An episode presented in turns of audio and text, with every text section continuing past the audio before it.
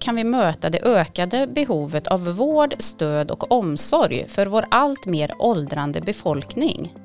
Hur kan vi tillgodose högre krav på service och samtidigt hantera den växande bristen på arbetskraft inom vården? Undersökningar visar att det inte kommer finnas tillräckligt många personer att anställa i vården i framtiden och det har blivit nödvändigt att redan nu hitta nya sätt att utföra våra arbetsuppgifter på.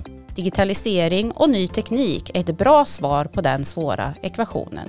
I det här avsnittet får du veta mer om hur Nattpatrullen i Kristinehamns kommun lyckats höja kvaliteten i omsorgen av våra äldre och samtidigt få effektivare arbetspass med hjälp av trygghetskameror. Vi tar också reda på varför en digital lots är så bra att ha och hur lotsen hjälper anställda och medborgare att både förstå teknik och att bli öppen för nya sätt att utföra dagens arbetsuppgifter.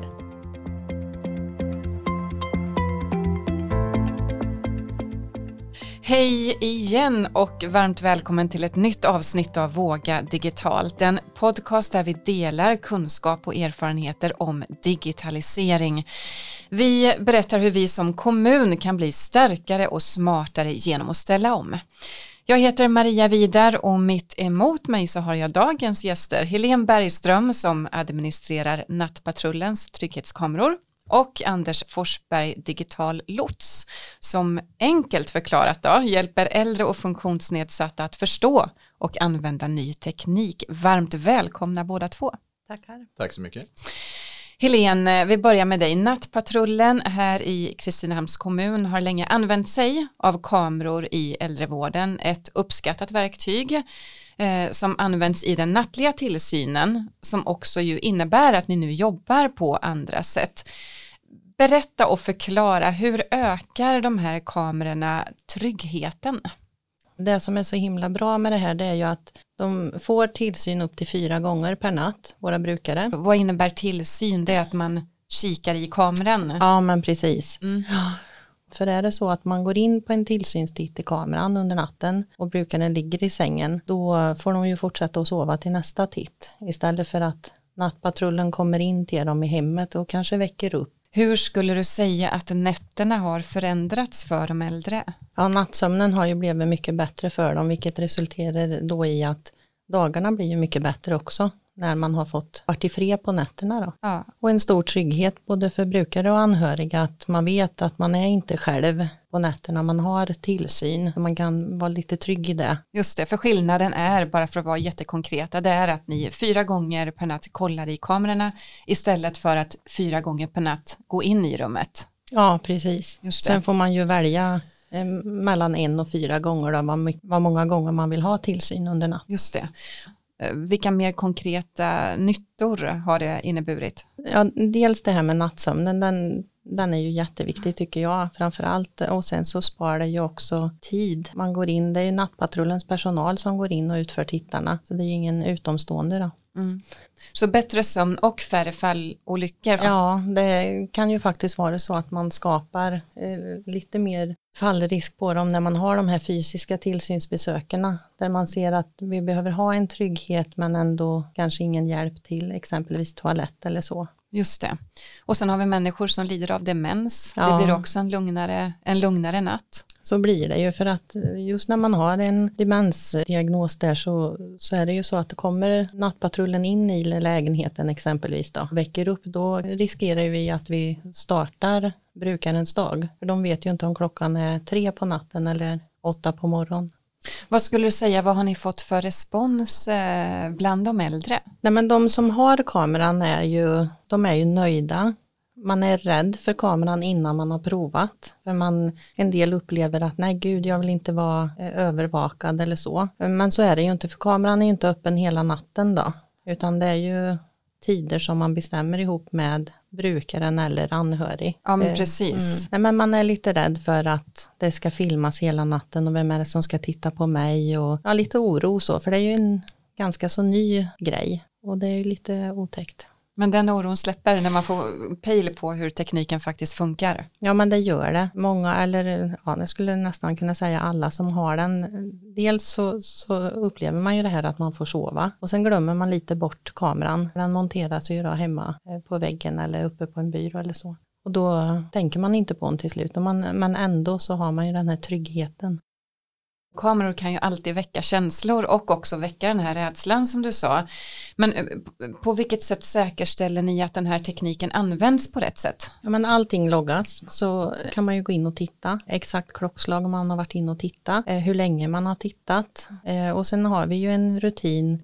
Tittarna ut, ska utföras exempelvis då mellan 11 och 12. Då får man gå in två gånger den timmen och titta. Ser man inte brukaren i sängen på någon av de tittarna då, då åker vi ut på ett fysiskt tillsynsbesök Mm. för att säkerställa så att man inte har ramlat någonstans. Och sen är det överenskommet innan vilka tider de här kamerorna ska vara aktiva. Ja, det är det. Mm. Kan vem som helst använda kamerorna? Nej, man loggar ju in dem med användarnamn, lösenord och sen en YubiKey. Som är, den är ju inlåst i ett nyckelskåp under dagarna. Och sen så ligger ju personalen inlagda som användare i systemet. Så utan de tre faktorerna så kommer du ju inte åt att titta i kameran. Just det. Anders, du ska också få vara med och resonera kring de här kamerorna. Men först, vad gör en digital lots? En digital lots, i vårt fall här i Kristinehamn så är det ju jag och jag hjälper våra äldre i kommunen, 65 år uppåt och även människor med funktionsnedsättningar att kunna hantera den vardagliga tekniken. Det kan vara så som telefoner, plattor, datorer. Man kanske har frågor kring sitt abonnemang eller frågor om hur tekniken och så funkar eller rent av vill lära sig den teknik man äger och har. Och då är jag ute och hjälper till och går igenom tillsammans med personen så att de får lära sig eller att vi kan lösa problemen som kanske är. Och det här är en relativt ny tjänst, digitala lotsen. Men det är hjälp som verkligen behövs. Berätta.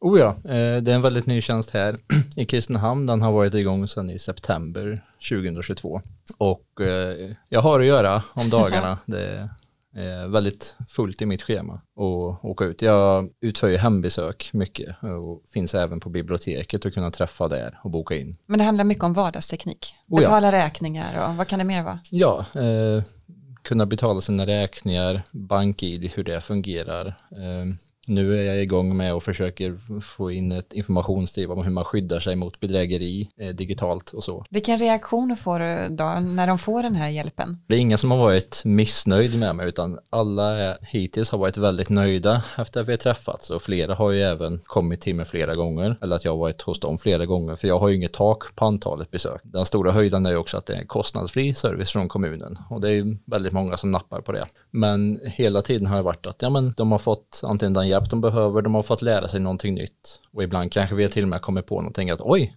det här var inte ens på kartan, men det har vi också löst nu. Just det. Mm. Helene, du som har jobbat inom äldrevården, inom hemtjänsten också i väldigt många år. Vad tänker du när du hör Anders berätta om vad han gör? Men det är ju helt underbart att det finns den hjälpen att få. Det är ju många som, ja men det här, man kanske inte kan med tekniken och man vill inte, man är lite rädd och det är jättebra. Och när det gäller det här då med Eh, den digitala mognaden bland de äldre. Hur skulle du säga att attityden till ny teknik är, Anders? Själva attityden, den är generellt väldigt motståndsaktig. Man kanske inte har varit med i digitalisering hela tiden och då liksom inte vill, men känner att man måste. Men tillsammans har jag märkt att det går att göra den attitydförändringen och det går väldigt enkelt bara man hittar det som motiverar. Och det finns alltid någonting som lyckas motivera. Mm. Det kan vara så att man vill ha alltså, kontakt med sina barnbarn eller kunna betala sina räkningar online via banken direkt utan att behöva fylla i sådana här gamla postgiroblanketter och sånt. Ja, möjligheten till att se på film och tv, kontakt, ja. Det finns Man ser det konkreta saker. värdet. Mm, mm. Jag vet att du varit inne på tidigare att många tror att de är mindre kunniga än vad de faktiskt är. Ja, Berätta. det stämmer. Nej, men det har ju också med den här mognaden att göra. Man stöter på det här problemet och den är som en vägg framför en verkligen och det är det enda man ser. Det man kanske inte då ser är att om jag bara tittar lite ditåt finns vägen runt den här väggen. Ja, men vad tror du att den föreställningen beror på då, att ny teknik är svår? Jag tror det har mycket att göra med att det har gått väldigt snabbt med utvecklingen av tekniken och den fortskrider hela tiden jättesnabbt framåt och ofta känner man väl kanske att ja, men jag har inte varit med sedan början så jag kommer inte förstå det här nu eller snarare att men jag har inte tiden att sätta in mig i det här utan ofta tittar man nog på allt, liksom hela konceptet med digitalisering men inte nödvändigtvis alltså liksom det jag vill göra och drar man ner blicken till det då hittar man de här vägarna och kunna gå in och lära sig mycket lättare. Ja, annars blir det väldigt, väldigt stort. Oh ja, det är Ja. många som vill lära sig allt på en gång, så Ja. det, där får jag nog också vara med och hålla tillbaka lite grann ibland just och det. liksom, ja men nu pausar vi och så kan vi ta den här nästa gång när det här har fått smälta in lite. Förutom att du faktiskt lär dem konkreta verktyg och mobilt bank-id och sådär som du sa. Vad gör du för att få dem att känna sig tryggare? Vad är viktigt att tänka på? Det allra viktigaste det är att kunna möta dem på den nivån de ligger på. Vad de förstår, hur jag kan liksom prata så att de hänger med hela tiden. För jag har ju en viss kunskapsnivå men jag måste ju anpassa mig efter dem och inte tvärtom. Och det är att jag hela tiden är lugn och tålmodig och liksom låter det här gå flera gånger. Många benämner ju att ja, men jag har barn och barnbarn som hjälper mig. Ofta går det också att ja, men de gör det så snabbt. De har inte alltid tålamod med mig. Och då får jag citera en annan fixarkollega i jobbet är att jag rycker ibland ut som professionellt barnbarn och hjälper till. Mm, Du nickar åt det, Helene. Berätta, vad tänker du? Nej, men det låter ju härligt. Va? Tänk att ha ett professionellt barnbarn. ja, Det är en Ja. väldigt trevlig yrkestitel. ja, istället för digital lots då. Men hörni, om vi blickar framåt och liksom så här, framtiden för den här typen av digital teknik som övervakningskamerorna till exempel i vård och omsorg. Vad tror ni, Helene? Vad tror du om det? Ja, men jag tror ju att trygghetskamerorna kommer att öka, för det är ju en otroligt stor trygghet för våra äldre i hemmet. Jag tänker så här att ja, men ju mer det sprider sig, att den här möjligheten finns och att eh, man kanske har någon granne som har den och ser att men den är inte otäck, den, den är jättebra, jag får sova på nätterna och det här, så tror jag att det kommer att öka. Mm. Vad tror du, Anders? Nej, men jag håller också med vad Helene säger om det. Även det här som vi är på väg framåt mot att färre behöver ta hand om fler. Ja, men om då man inte behöver åka den här sträckan för att göra de här besöken, då har man ju möjligheten att kunna lägga den arbetstiden och så på annat som också Precis. behövs göras samtidigt. Mm. Helene, vad har du för tankar kring det? Ja, För det här är ju en del av det, ett nytt sätt att arbeta, ett nytt sätt att tänka vård och omsorg.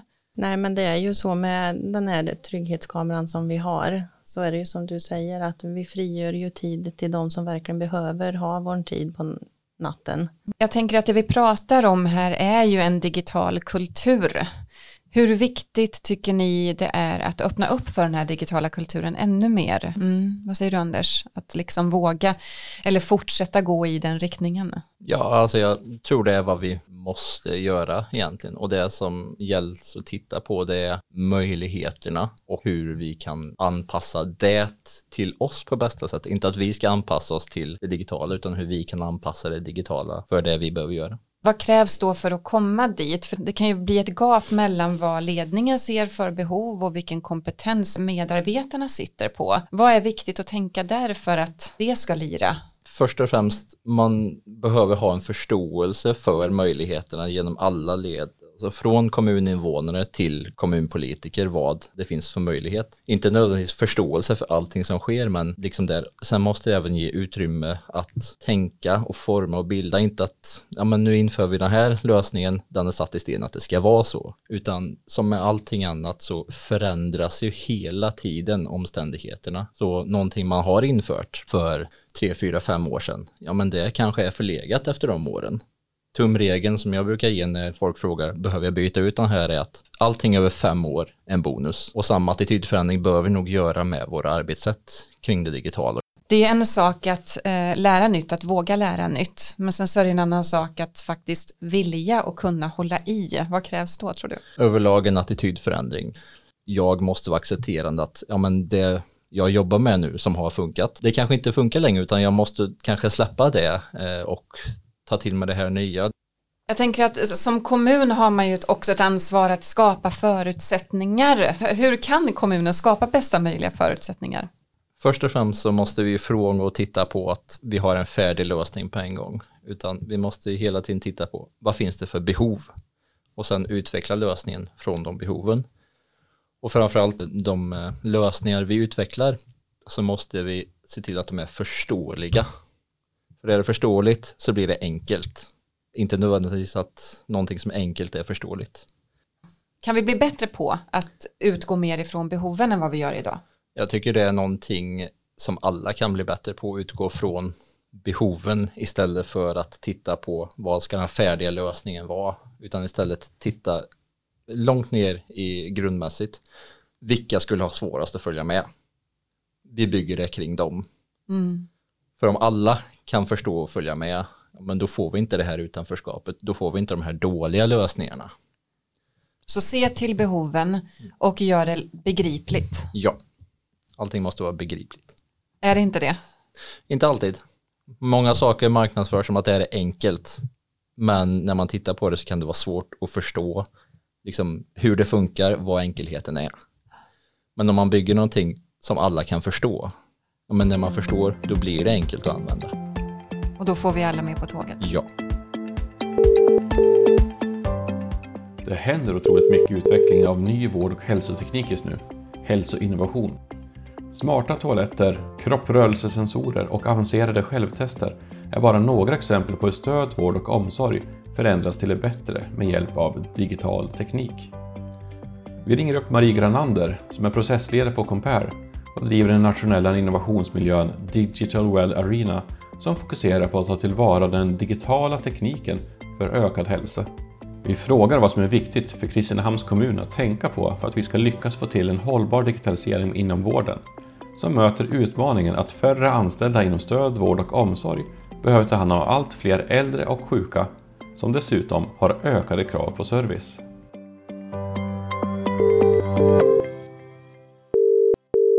Man behöver eh, ta vara på tekniken eh, och se det just som ett eh, stöd för det dagliga arbetet och som en möjliggörare för att faktiskt kunna ta vara på personalens tid och händer där de verkligen behövs. Det möjliggör en omfördelning av arbetsuppgifter, både för att hantera flödet i, i de uppgifter som man behöver göra mot brukare, men det kan ju också möjliggöra en, en bättre arbetsmiljö och minska stressen i, eh, i det som man behöver hinna med. Kan bidra till att öka individens egen förmåga och stärka individens integritet. Vad kan man göra för att eh, öka nyttjandet av den digitala tekniken? Men jag tänker att mycket handlar om hur man ser på tekniken och de digitala hälsotjänster som finns. Att man eh, inte bara har fokus på välfärdsteknik inom vård och omsorg Eh, utan att man också ser det bredare. Hur kan vi ta vara på tekniken som finns och de tjänster som finns på marknaden? Eh, det handlar bland annat om att skapa en ökad interaktion med de företag som finns på marknaden och vilka utmaningar som befintliga tjänster eh, faktiskt löser eller inte löser. Det finns jättemånga tjänster på marknaden idag men som faktiskt inte uppfyller de behov som, som vård och omsorg har. Jag tänker att det också handlar om att öka kunskapen, inte bara hos ledning, strateger och verksamhetsutvecklare utan också personalen som arbetar i verksamheten. Att öka deras kunskaper kring möjligheterna med den digitala tekniken och de tjänster som finns, så att de också kan vara ett stöd i, till beslutsfattandet och i ett tidigt skede identifiera behov eller, eller bidra till eh, dialogen i vilka tjänster som skulle kunna lösa olika utmaningar. Ökad kunskap och utbildning för personalen i verksamheten bidrar ju också till att man får ett gemensamt språk eh, mellan ledning, personal men också IT-avdelning så att man bättre förstår varann. Och eh, på det sättet eh, snabbare kan ta vara på tekniken helt enkelt. Vilka kompetenser ser ni kommer efterfrågas i framtiden? jag tänker att det dels mycket kring hur man hanterar och tar vara på data och också kan analysera den datan som man har. Eh, men också kunskap som eh, kan bidra till en trygg och säker användning av tekniken och de digitala hälsotjänsterna. Och det gäller både för personalen och för brukarna. Eh, har personalen en bättre kunskap så kan de också stötta både brukare och anhöriga i, i användningen eller i rekommendationer för val av, av digitala tjänster eller digitalt stöd. Trygghetskamerorna är ju ett bra exempel på hur ny digital teknik kan underlätta i omsorgen och Kristinehamns kommun liksom många andra kommuner står ju inför stora personalutmaningar vi blir färre i arbetsför ålder samtidigt som vi blir fler äldre i samhället som behöver stöd, vård och omsorg och dessutom många gånger med högre förväntningar. Eh, det kommer inte finnas tillräckligt med personal, visar flera studier. Och Anders, då, förutom att du hjälper bland annat äldre med digital teknik så hjälper ju du också personal med att bli mer bekväma med det digitala. Berätta. Ja, eh, del av mitt uppdrag ligger i att försöka få vår verksamhetspersonal att känna att jag kan det här med våra digitala arbetssätt. Vi har ju en hel del digitala verktyg såsom datorer, telefoner, vi har diverse olika verksamhetssystem och då om jag som personal kan känna, ja men jag vet exakt vilka vägar jag ska gå för att göra det jag behöver göra i datorn. Då frigör jag massa tid och känner att då kan jag lägga den tiden och energin på att ta hand om den personen mm. jag ska jobba för. Mindre frustration på det digitala, mer kvalitet på omvårdnaden. Vi var inne på innan hur de äldre tar emot den här förändringen och att våga närma sig ny teknik. Men Helene, hur skulle du säga att det har påverkat medarbetarna? Ja, framförallt så sparar det ju otroligt mycket tid så att vi kan lägga våran tid där den verkligen behövs. Vi får ju sjukare och sjukare i hemmet mm. och då behöver vi försöka att lägga tiden där den behövs som bäst och kameran är väldigt, väldigt bra. Mm. Hur kan vi annars säga att den nya tekniken påverkar arbetsuppgifterna för de som jobbar med äldre i Kristinehamns kommun idag? Finns det fler exempel? Ja, vi har ju Intrafon då i telefon, ett arbetsverktyg som vi jobbar där man tar telefonen på kvällen och loggar in och där har man ju alla sina besök mm. Eh, under natten. Och när det handlar om att hjälpa personal att bli mer bekväma med den här digitala tekniken så har ni ju flera satsningar som pågår just nu, bland annat med personliga assistenter vet jag. Eh, varför behöver jag som jobbar inom vård och omsorg vara digitalt mogen framåt? Vi kan ju börja med att Kristinehamns kommuns policy gällande digitalisering är digitalt först. Så därför i de mån det är möjliga så kommer vi alltid välja digitala alternativ först.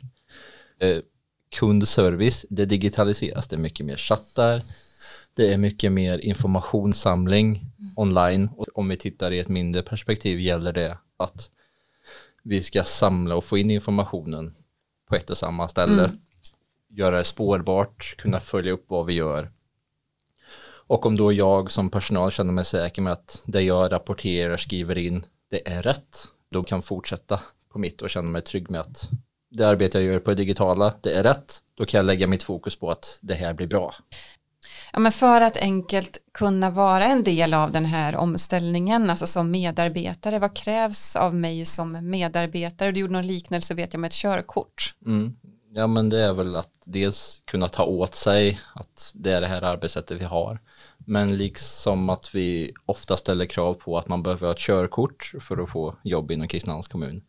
Så behöver vi nog kunna begära lite att man har en basvana av datorer, mobiltelefoner, alltså tekniken vi använder. Och vad kan en basvana vara? Ja men veta mycket hur datorn fungerar, att när jag klickar på det stället så öppnas det här. När jag ska enkelklicka, dubbelklicka, hur jag hittar i menyn i en telefon. För om man har det, då kan man bygga på med det som behövs inom kommunen efteråt. Och det kommer bli ännu viktigare nu då framöver. Det tror jag absolut. Jag tänker så här, Helene, någon som inte har den här vanan av eh, datorer och mobiltelefoner så mycket innan, utan kanske bara haft ett fysiskt jobb. Hur svårt blir det för den att liksom jacka in och komma med på resan tror du? Nej men det tror jag inte är så svårt. Vi har ju otroligt hjälpsamma kollegor som visar. Eh, man har ju bredvidgångar när man kommer som ny, där man ska gå igenom allting. Så att eh, nej. Där finns alla möjligheter att lära. Ja, och sen så har vi ju liksom eh, utbildningar, det är dokumentationsutbildningar och det finns hjälp att få om, om det inte skulle räcka med de här bredvidgångarna. Om vi backar till kamerorna igen, om vi tänker att kamerorna blir ett sätt att eh, arbeta mer effektivt och den tiden vi då vinner på det, vad gör ni med den? Anders? Eh, jag skulle nog också vilja påstå att den här möjligheten med ja, tillsyn digitalt men även andra tekniska lösningar, det är snarare inte att det sparar in tid utan det bibehåller kvaliteten mm. med att man får sina insatser utan att man behöver ta bort insatser egentligen. Mm. Man lägger inte till men man tar inte heller bort.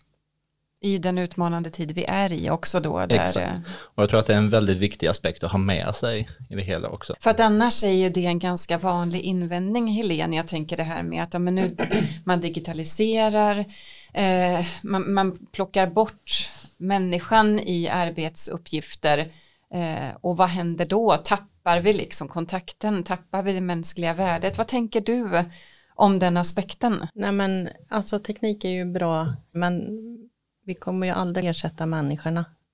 Vi måste ju vara ute på fältet dygnet runt för att ta hand om våra brukare, så är det ju. Och vad krävs för att behålla den eh, övertygelsen om att den mänskliga kontakten är så viktig? Jag tror det har mycket att göra med hur man formulerar saker. Bibehåller man hela tiden, ja men det är klart du får hjälpen. Personen här kommer hem till dig. Och man tittar mycket på det.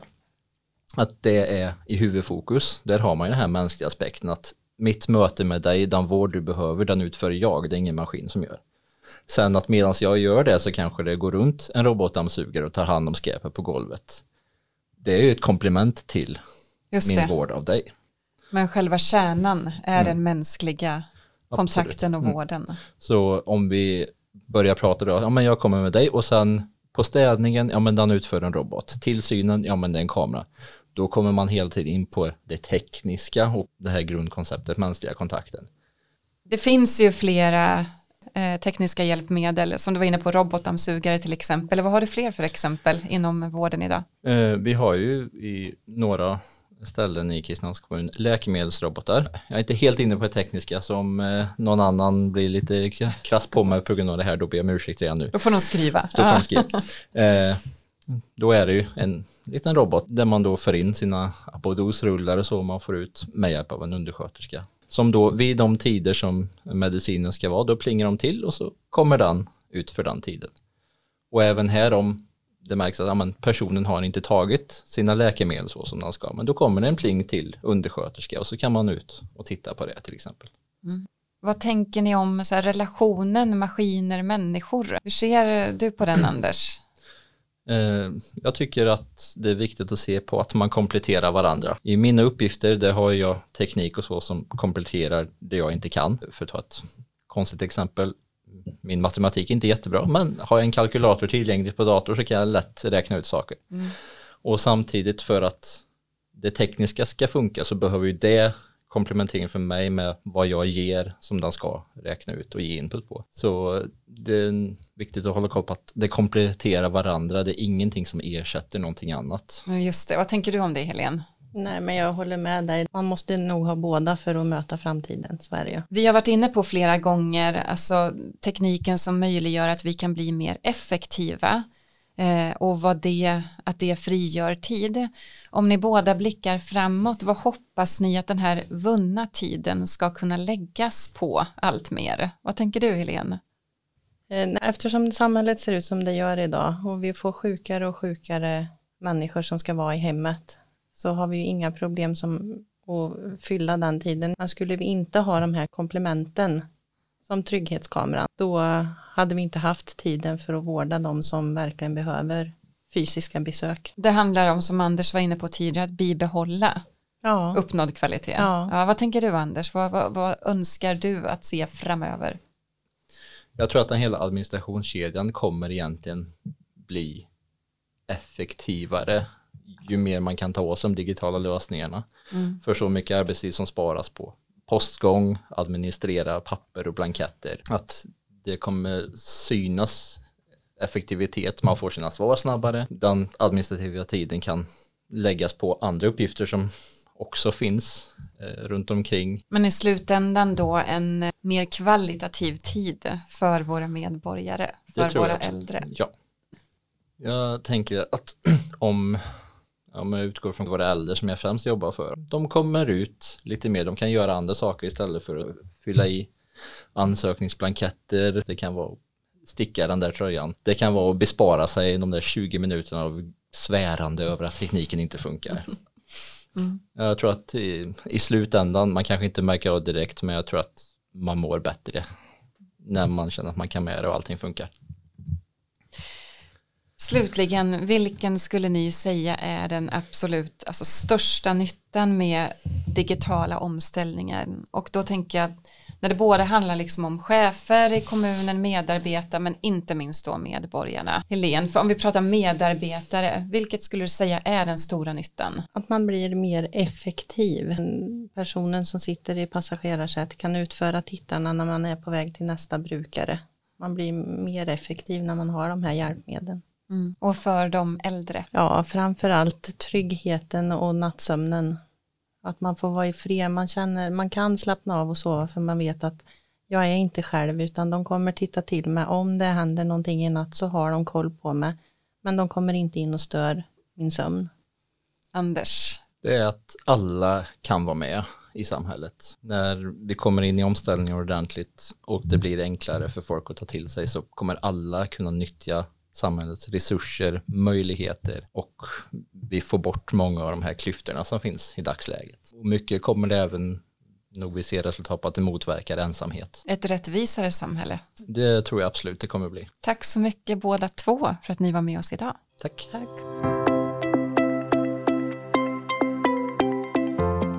Har du något som du tycker vi borde ta upp eller förklara? Har du frågor kring det vi pratade om idag? Mejla oss gärna på digitalisering kristinehamn.se